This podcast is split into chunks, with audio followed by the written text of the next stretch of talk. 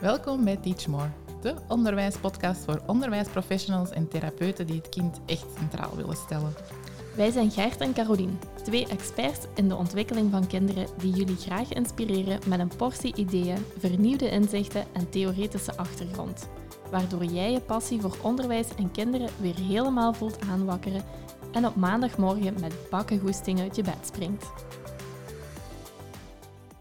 Hallo en welkom bij een nieuwe podcast. Vandaag laten we jullie kennis maken bij een van onze docenten. Naast mij zit Lore. Lore, kan jij eventjes jezelf voorstellen voor onze luisteraars? Ja, ik ben Lore. Ik ben leerkracht in het lager onderwijs. En ehm, ik geef les op een school voor hoogbegaafde kinderen, of in ieder geval een met een specialisatie in hoogbegaafde kinderen.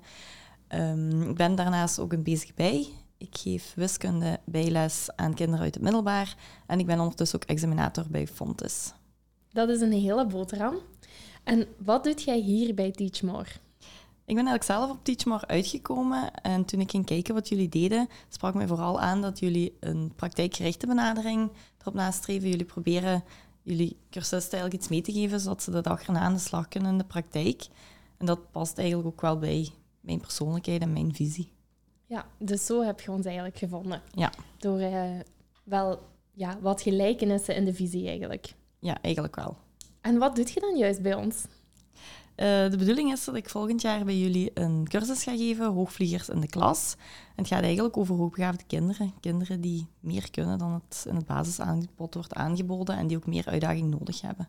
Ja, dat ontbrak hier nog, hè? Differentiatie naar boven. Ja, ook wel een hele belangrijke. Dus jij voelde eigenlijk ook in je praktijk dat er nood was aan iets. Want je hebt die stap toch gezet naar ons omdat je iets voelde, hè? zo bij collega's of bij vriendinnen of...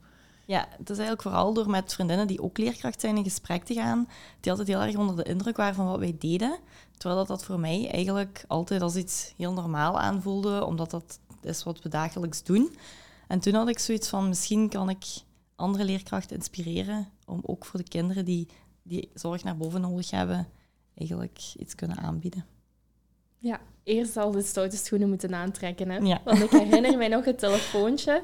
En ik herinner mij ook nog hoe geduldig dat jij hebt gewacht eigenlijk. Ja, want ik begon te twijfelen van, oh, heb ik mezelf misschien toch een beetje overschat met te zeggen dat ik expert was erin? Of, maar nee. Nee, het was gewoon ik wat even uh, alles op zijn beloop had gelaten. Ja. Hè?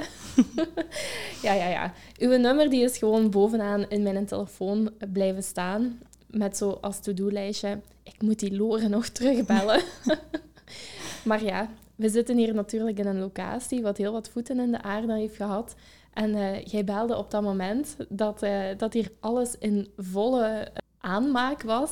Dus ja, dan was het even prioriteiten stellen in het lijstje. Dus mijn excuses dat ik u heb nee, laten wachten. Het is heel mooi geworden, het resultaat mag er zijn, dus het was zeker niet voor niks. Hè. Voilà, het is dat, ja.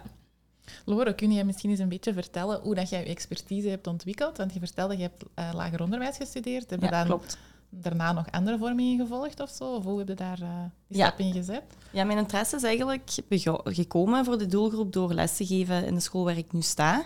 En in contact gekomen met deze doelgroep. Ik heb op die school ook meteen bij Excentra een vorming gekregen om extra uitleg te krijgen over hoe ik ermee moest omgaan, want het was voor mij heel onbekend. Ik vind dat het een grote hiaat in de leraaropleiding, dat er totaal niks over aan bod komt.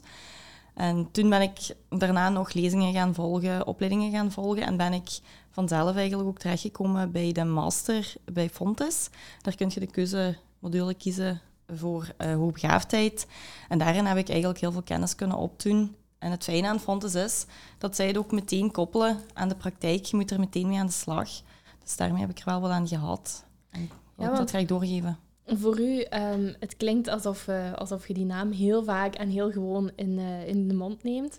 Maar vertel ons eens, Fontes, wat is dat eigenlijk? Waar moeten we dan zoeken? Uh, Fontes is een hogeschool in Nederland. Er is een samenwerking ook tussen de Peekzaal Hasselt en Fontes Nederland. En zij bieden masteropleidingen en ook gewoon dagopleidingen aan. Ja, want hier in België kun je dat niet doen, hè? Nee, nee dat is ook, ja, het zit gewoon nergens in het aanbod in België, nee. Jammer eigenlijk, hè? dat is echt wel een gemis. Ja, ik vind het ook raar dat het ondertussen nog geen keuzemodule is op de hogeschool. Je kunt nu wel in Hassel al zo een navorming volgen, maar ik vind het heel informatief en heel theoretisch en weinig met echt concrete, concrete opdrachten. Gelijk ik het heb geleerd, is het echt theorie, maar ook teruggekoppeld naar praktijk. En dat is ook wat jullie doen.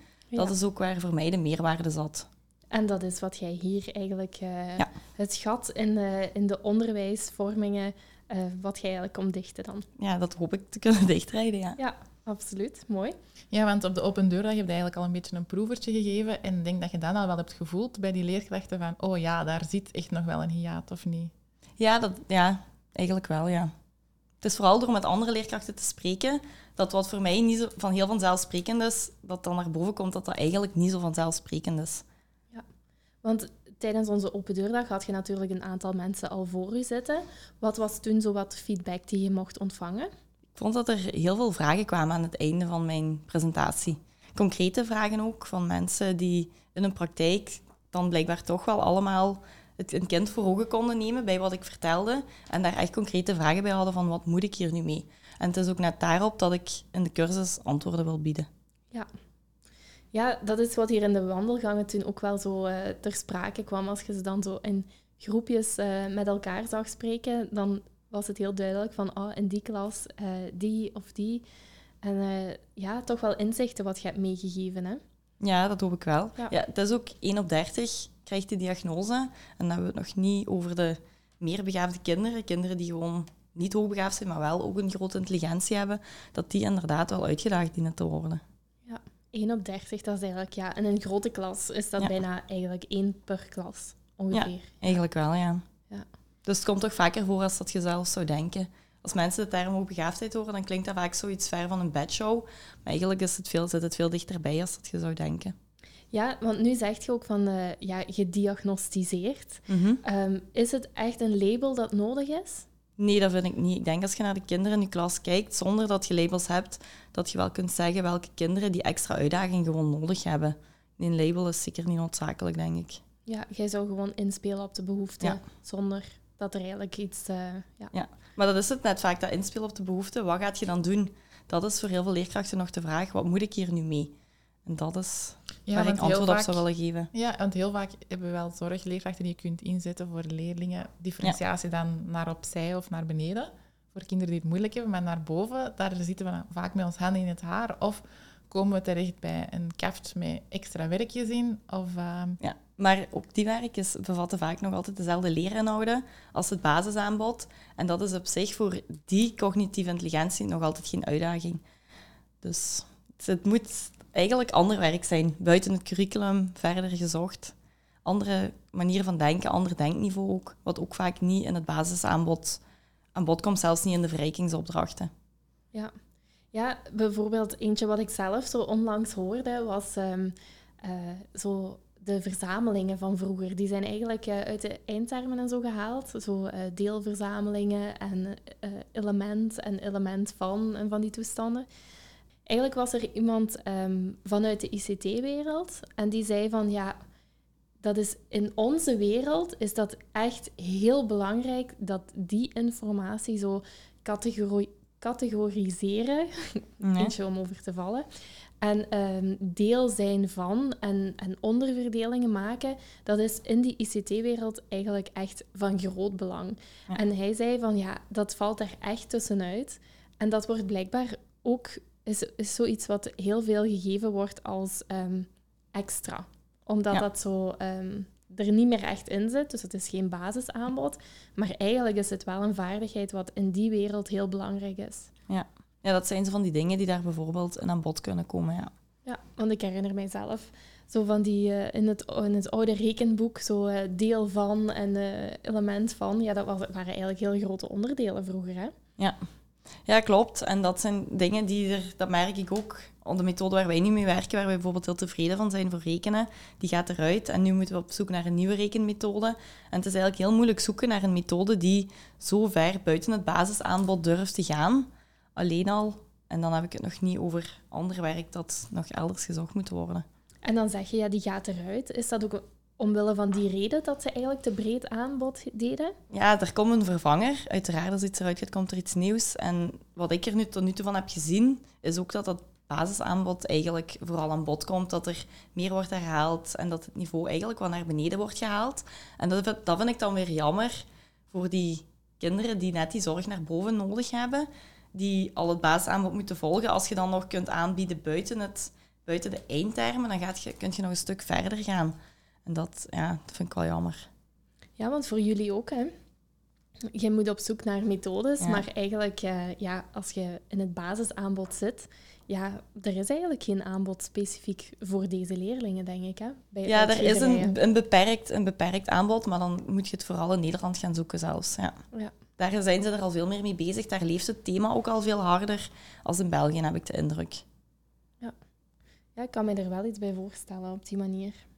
Ja, want ik denk dat je ook meer mee wilt vertellen van dat je inderdaad in die breedte mee gaat zoeken. Hè? Want mhm. je hoort ook heel vaak, je vertelde er straks nog van ouders die al in het eerste leerjaar de tafels willen aangereikt krijgen of die al Frans willen krijgen in een derde leerjaar. Maar dat is natuurlijk ook geen eenvoudige om daarin te gaan zoeken. En nee, het is altijd... er wel een mooie visie. Allee, ik vind dat toch.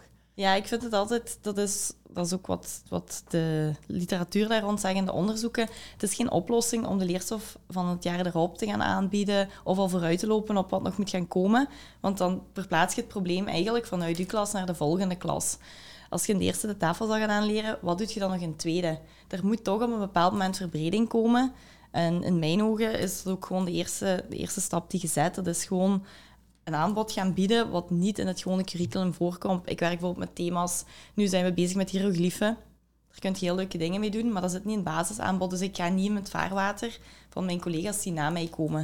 Ik ga het probleem niet verplaatsen. Ja, want als je hetgeen wat, wat ik dan ook zo mij afvraag, ik weet niet of ik die term mag gebruiken, maar zo in de volksmond wordt wel eens gezegd van ja, dat zijn kopkinderen. Weet je wat ik bedoel? Zo, die, leven, die leven echt zo in hun hoofd. Mhm. Maar gaan jullie dan ook dingen aanbieden waardoor dat je ze eigenlijk vaardigheden meegeeft, kijkende vanuit executieve functies, vanuit beweging? Of is dat iets wat jullie niet doen? Jawel, ik probeer altijd een beetje de, de afwisseling te maken tussen inderdaad een thema wat heel erg inzet op cognitieve kennis en ook een thema waar heel veel vaardigheden in aan bod komen. Waar kinderen creatief moeten denken, dat zit er ja, sowieso altijd wel in, maar waar meer de focus ligt op... Bijvoorbeeld, ik heb nu een opdracht met een andere groep, als die van mij. Dan moeten ze een thema is ter in de lucht en zij moeten iets gaan ontwerpen wat van boven aan het schoolgebouw naar beneden kan zweven aan een stuk of tien voorwaarden waar, waar hun werk aan moet voldoen. Dan moet er eerst een schets gemaakt worden, dan moet onderzoek gedaan worden en dan gaan we bouwen. Dus het is wel een combinatie van, van alle, alle denken, intelligenties ook, zal ik maar zeggen. Ja, alle intelligenties worden eigenlijk aangesproken. Ja, dat is wel een beetje de bedoeling, ja. Ja, mooi. Je vertelde net van we doen dat met een andere groep samen. Is dat ook zo? Uh, ik hoorde nu onlangs vertellen dat jullie zo een beetje naar je eigen talenten ook gaan lesgeven. Het is te zeggen, jullie geven een aantal vakken en een collega doet een aantal mhm. dingen. Dat is misschien ook een mooie sterkte om vanuit een team te gaan kijken van moet iedereen alles kunnen of kunnen we ook binnen ons team die ja, differentiatie gaan inderdaad, doen. Inderdaad, want als je naar ander werk gaat zoeken, dan gaat je ook echt moeten zoeken. En dat is altijd fijner en ook gemakkelijker als je vanuit je eigen sterkte kunt, kunt praten. Hè. Ik geef rekenen bijvoorbeeld, dat daar zit mijn expertise.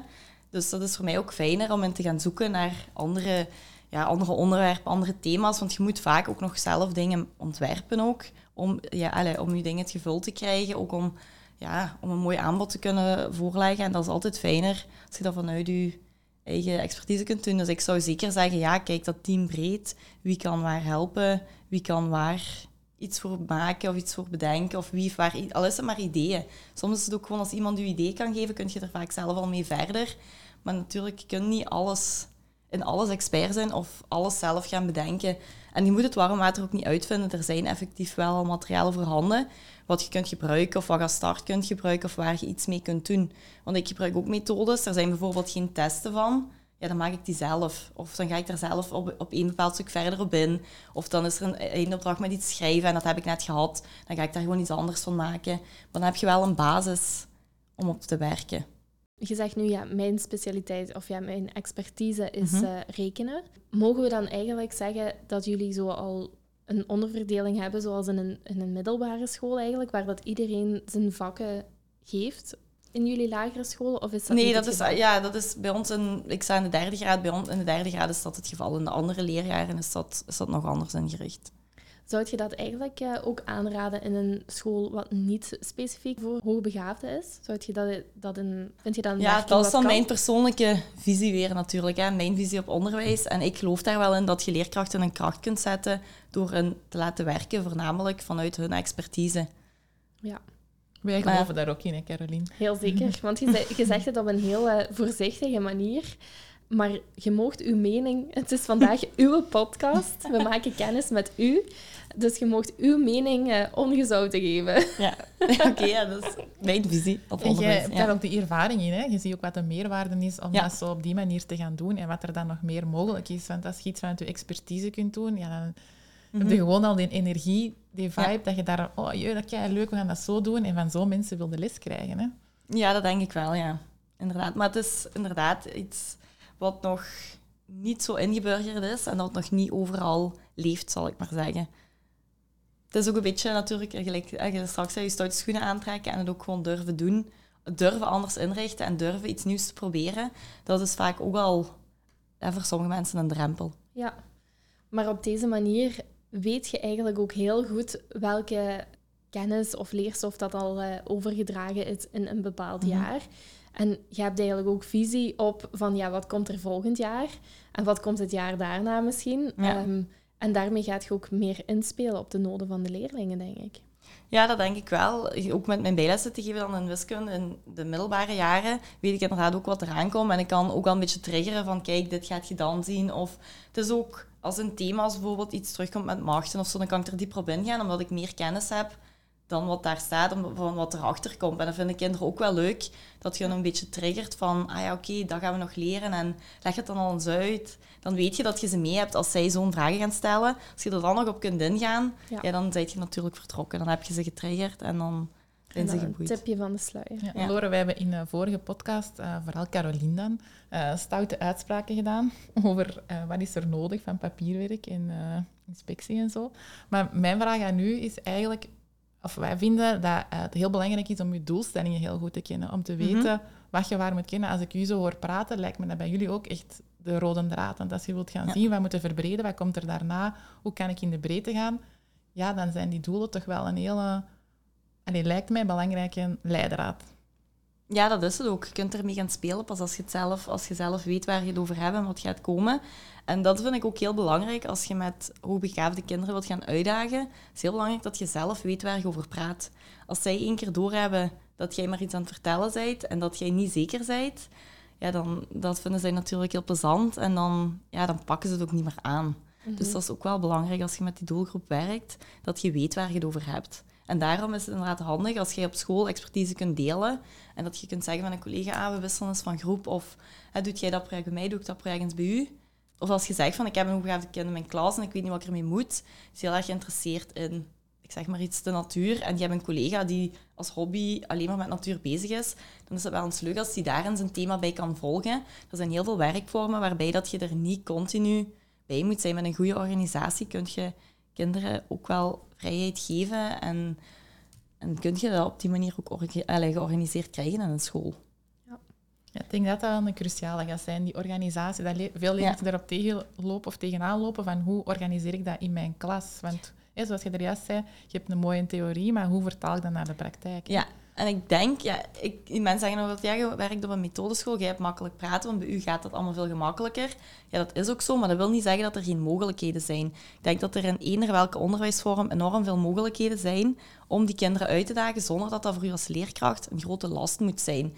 En ik denk ook dat dat belangrijk is om mee te geven. Dat leerkrachten niet zoiets hebben van oei, oei, extra werk, extra werk. Natuurlijk vraagt het een extra inspanning. Maar ik vind als leerkracht heb je ook die verantwoordelijkheid naar je kinderen toe, dat je ze allemaal wat leert. Dus ook de kinderen die extra zorg naar boven nodig hebben. En ik denk dat je dat in eender welke, in eender welke onderwijsvorm perfect georganiseerd kunt krijgen, dat dat voor iedereen werkt.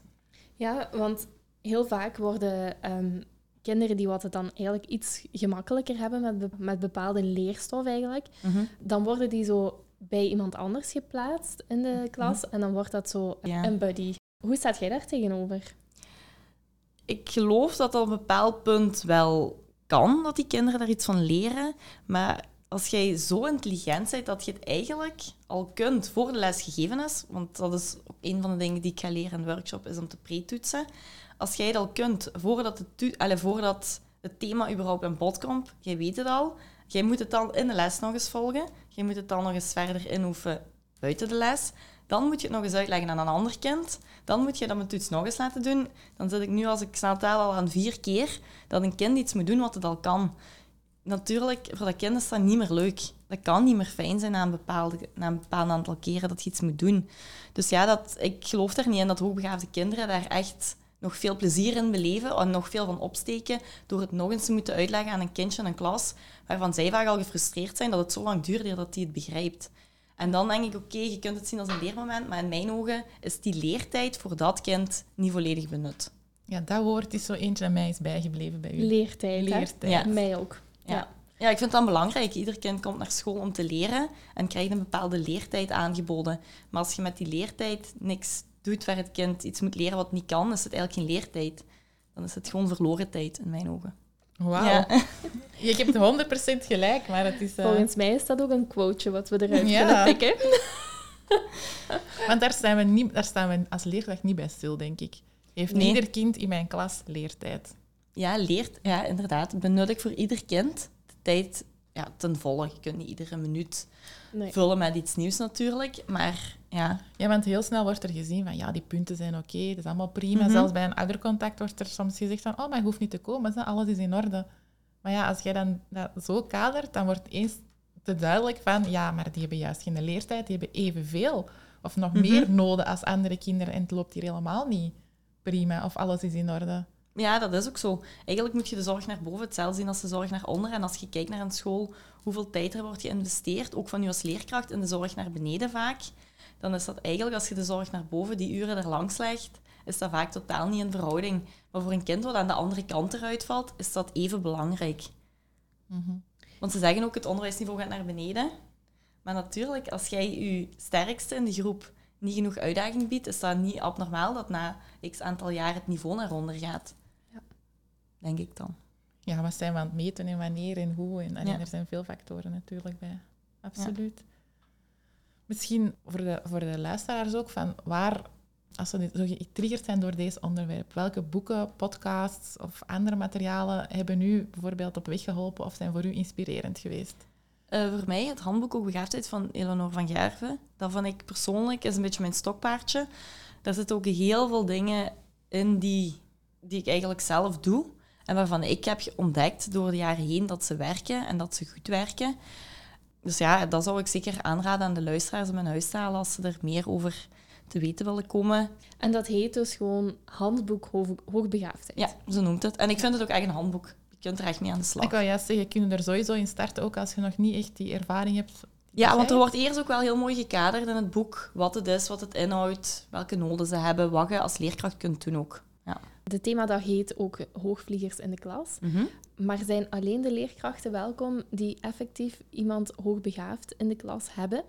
Nee, want zoals we er straks al zeiden, 1 op 30. Dus je gaat in de carrière sowieso meermaals tegenkomen. Dus is in het huidige jaar niemand die, waarvan je denkt, die heeft het nodig, dan zal er ongetwijfeld nog wel iemand volgen. Dus ze gaan er sowieso iets aan hebben? Ja, daar ben ik van overtuigd.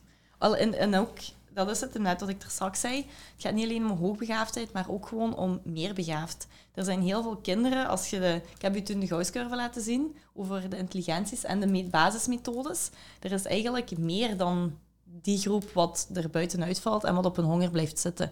Dus ik denk dat het sowieso interessant is voor iedere leerkracht ik denk dat iedereen ermee aan de slag kan. Dus dat er eigenlijk elk jaar wel kinderen zijn die dat aanbod nodig hebben. En daarom niet per se dat label hoogbegaafdheid nee. hebben. Maar en misschien ook niet die extreme uitdaging, waar we het ook gaan over hebben in de cursus. Maar gewoon al de kleinere, kleinere dingen, dagdagelijkse dingen, waar je al dingen mee kunt doen, buiten de verrijkingstaak uit, uit de methode. En leerkrachten gaan ook zien dat de kinderen veel meer geboeid zijn en veel meer getriggerd zijn als ze met die andere materialen aan de slag gaan. Ja, ik denk dan ook meteen zo aan klassen die wat zo'n buddy-systeem mhm. heel systematisch eigenlijk toepassen. Dat is, eigenlijk laat dat ook zien dat er dan eigenlijk een groep is die wat baat heeft aan het basisaanbod.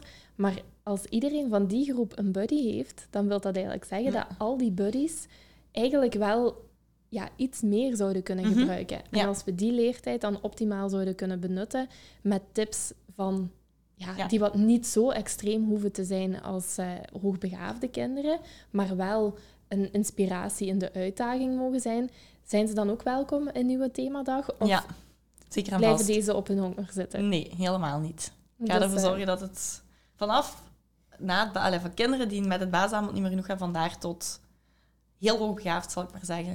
Daar gaan we het allemaal over hebben. Voilà, dus eigenlijk iedere klasleerkracht in het Ja. lager, die hoort er eigenlijk te zijn. Ja, zeker en vast. En ik denk zelfs ook dat er kleuterjuffen, dat kleuterjuffen er ook iets aan kunnen hebben. Voilà. Dus het minder mijn expertise, dat is uiteraard wel Mhm. waar. Maar ik denk dat er heel veel dingen algemeen zijn waar zij, zelf, waar zij ook iets mee gaan kunnen. Ja, ik geloof wel dat die ook regelmatig met hun handen in het haar zitten. Ja. Van, eh, oei, ja, die kan al lezen, of die heeft zijn eigen al leren lezen of leren schrijven. Of eh, ja, die herkent al heel veel letters. En eh, ja, dan zitten zij eigenlijk met hetzelfde, Ja. dezelfde uitdaging, laat het mij zo zeggen. Ja, uitdaging, inderdaad. Dat klopt ook. Maar inderdaad, daar zijn ook materialen voor en er zijn ook methodes en dingen, mee, allee, opdrachten die je die kinderen kunt geven om hen toch nog bij een huidige leeftijdsgroep te kunnen houden, zonder dat je gaat zeggen, ah, we gaan al springen of we gaan vervroegd naar het eerste leerjaar. Het is toch een gevaarlijke om kinderen zomaar een klas over te zetten. Ja, Ja, want dat is een van de belangrijke pijlers die je je cursisten wel wilt meegeven na de workshop. Hè. Dat springen niet per se. Hè. De, Noodzakelijk is. ja, dat daar ook een alternatieven zijn. Ja. Dat je eigenlijk heel veel als leerkracht kunt gaan betekenen Ja. voor die leerlingen. Ja. Waarmee ik niet wil zeggen dat springen nooit kan. Het kan, uiteraard komt het nog altijd voor. Maar ik denk als iedereen de uitdaging aanbiedt die we in de workshop gaan aanbieden, dat er al veel minder kinderen moeten springen. Of dat er veel minder nood is om te springen voor een school. Maar nemen ze zeker nog mee uit zo die opleiding, die dag, die dat jij gaat verzorgen? Je dan even dat het springen niet altijd de oplossing is. Mhm. wat, wat zijn zo nog eh, belangrijke elementen? Dat inderdaad dat springen niet altijd de oplossing is. Maar ook wat kun je dan wel doen in je klas. En ook dat deze kinderen wel nog instructie nodig hebben. Want dat wordt vaak dan ook weer als misopvatting. Komt dat aan bod dat leerkrachten dan denken, ah, ze kunnen het allemaal al, dus ik hoef hen geen uitleg meer te geven. Maar normaal, als jij een uitdagende taak geeft, hebben ook zij daar instructie van nodig. Ja, dus instructie is wel nog altijd nodig, ook voor kinderen die al slim zijn. inderdaad is dat heel vaak is dat zo'n extra kaf die ze dan zelf moeten aanvoelen Mhm. wanneer dat ze dat nemen. Ja. En zelf moeten verwerken en verbeteren. Ja, En maar dat als- is de uitdaging. Hè? Ja, maar als zij het allemaal zelf al kunnen, dan zit er uiteindelijk weer geen uitdaging en dan zit je nog aan het herhalen. Want ieder kind die iets nieuws leert, heeft daar uitleg bij nodig. En zij hebben inderdaad maar heel kort en heel weinig uitleg nodig, maar dat kleine beetje is er wel nog nodig. Dan pas zijn zij ook zij aan het leren. Vind ik ook een hele mooie. Je gaf daar juist aan van hé, de instructie is voor iedereen belangrijk. Want als kinderen niet weten wat ze moeten doen en je krijgt geen instructie, ja, dan ga ik vervelend doen. Ja, dat is ook vaak. Dat zijn ook vaak kinderen die inderdaad zich vervelen. Maar natuurlijk, als jij niks nieuws aangeboden krijgt en niks leert, dan gaat je op een bepaald moment vervelen. En sommige kinderen gaan natuurlijk dan heel vervelend doen. En andere kinderen gaan denken, oh, dit is fijn, dit is fijn, dit is gemakkelijk. Ik heb fijn in mijn hangmatje liggen en ik kom hier op mijn gemakte dag door. Iedereen laat me met rust. Ik presteer nog voldoende, zodat niemand aan mij komt zeuren. Dus ja, dat... En die leren dan natuurlijk heel veel andere vaardigheden niet en hoeven niet Ja. veel te gaan benutten. En dan zijn er volgens mij nog, of die zie ik toch regelmatig, die heel flink zijn in school en plichtbewust wachten, maar die dan thuiskomen en de bom ontploft. Ja, dat, dat kan ook natuurlijk. Hè, dat kinderen zich zo moeten houden op school. En omdat ze zoiets hebben van als ik rustig blijf onder de radar en dan s'avonds komt het er allemaal uit. Dan, Want eh, ik denk dat zo screenen, wie zijn die hoogbegaafden? Want dat zijn niet altijd de kinderen die daar supergoeie punten hebben. Hè. Daar is nog Nee. eh, wel een grote valkuil, denk ik. Want leerkrachten gaan ervan uit, die moeten dan voor alles goed zijn en dan hè, hebben ze uitdaging nodig. Maar ik denk wel dat er, ja, de leerlingen die bij jullie binnenstromen, dat er tal van screenings zijn of, of gedrag- gedragingen zijn waar jullie kunnen afleiden, die hebben extra nodig. Ja, inderdaad. Natuurlijk, ieder kind is anders. Het is maatwerk. En dat is het ook in dit geval. Het is gewoon kijken, wat kan het kind? Wat, waar zit zijn potentie? Waar, laat die, waar merk je dat hij het niet laat zien? Als een kind zonder enige inspanning alle vakken met glans goede punten scoort, wil dat nog niet zeggen hij één uitgedaagd is of dat hij daar effectief ook voor werkt. En daar gaat het natuurlijk over. Hè. Ieder kind moet ervoor werken. Of daar moeten we in ieder geval voor zorgen. Ieder kind moet leren. Ja, ik denk dat gedrag wat er eh, gesteld wordt dan op, op die momenten, dat dat eigenlijk, ja, daar kunnen we misschien nog een eh, tweede podcast van, eh, van maken samen met u. Ja. Ehm, zodat we eigenlijk die kindertaal daar eens even kunnen vertalen eigenlijk. Hè. Inderdaad. Dus uh, is bij deze een uitnodiging om nog eens terug te komen. Ja, dat we kunnen vertalen wat komen die kinderen ons vertellen en hoe kunnen we daar dan als leerkracht eh, mee verder gaan. Lore, voor vandaag hadden we eigenlijk uw kennismaking. Mhm. Eh, ik denk dat we die al uitgebreid meegekregen hebben met eigenlijk eh, wie dat je bent, hoe dat je expert bent geworden in dit, eh, Mhm. in dit deel. Ehm, is er nog iets wat je graag wilt toevoegen? Niet, niet waar ik niet zit, waar ik meteen op kom, nee. Voilà, dan denk ik dat we voor vandaag helemaal rond zijn. Hè? Dan eh, bedanken wij u heel graag voor eh, te komen. Dan zien wij u nog een tweede keer terug voor ehm, de kindertaal. Hè? Prima. Tot Bedankt. binnenkort. Bedankt om te luisteren naar een nieuwe aflevering van Teach More, de onderwijspodcast. Vond je deze aflevering waardevol? Laat het ons dan weten door een review achter te laten in de podcast-app waarmee je deze podcast luisterde. Blijf je graag op de hoogte van nieuwe afleveringen? Abonneer je dan op deze podcast en je ontvangt automatisch een berichtje wanneer er een nieuwe aflevering is. Wij delen ook dagelijks tips via onze social media. Je kan ons volgen op Instagram via teach more of op Facebook teachmore. Blijf je graag als eerste op de hoogte van al onze nieuwtjes? Schrijf je dan in voor onze nieuwsbrief op www.teachmore.be. Daar vind je ook ons volledig aanbod aan vormingen, workshops en teambuildings terug.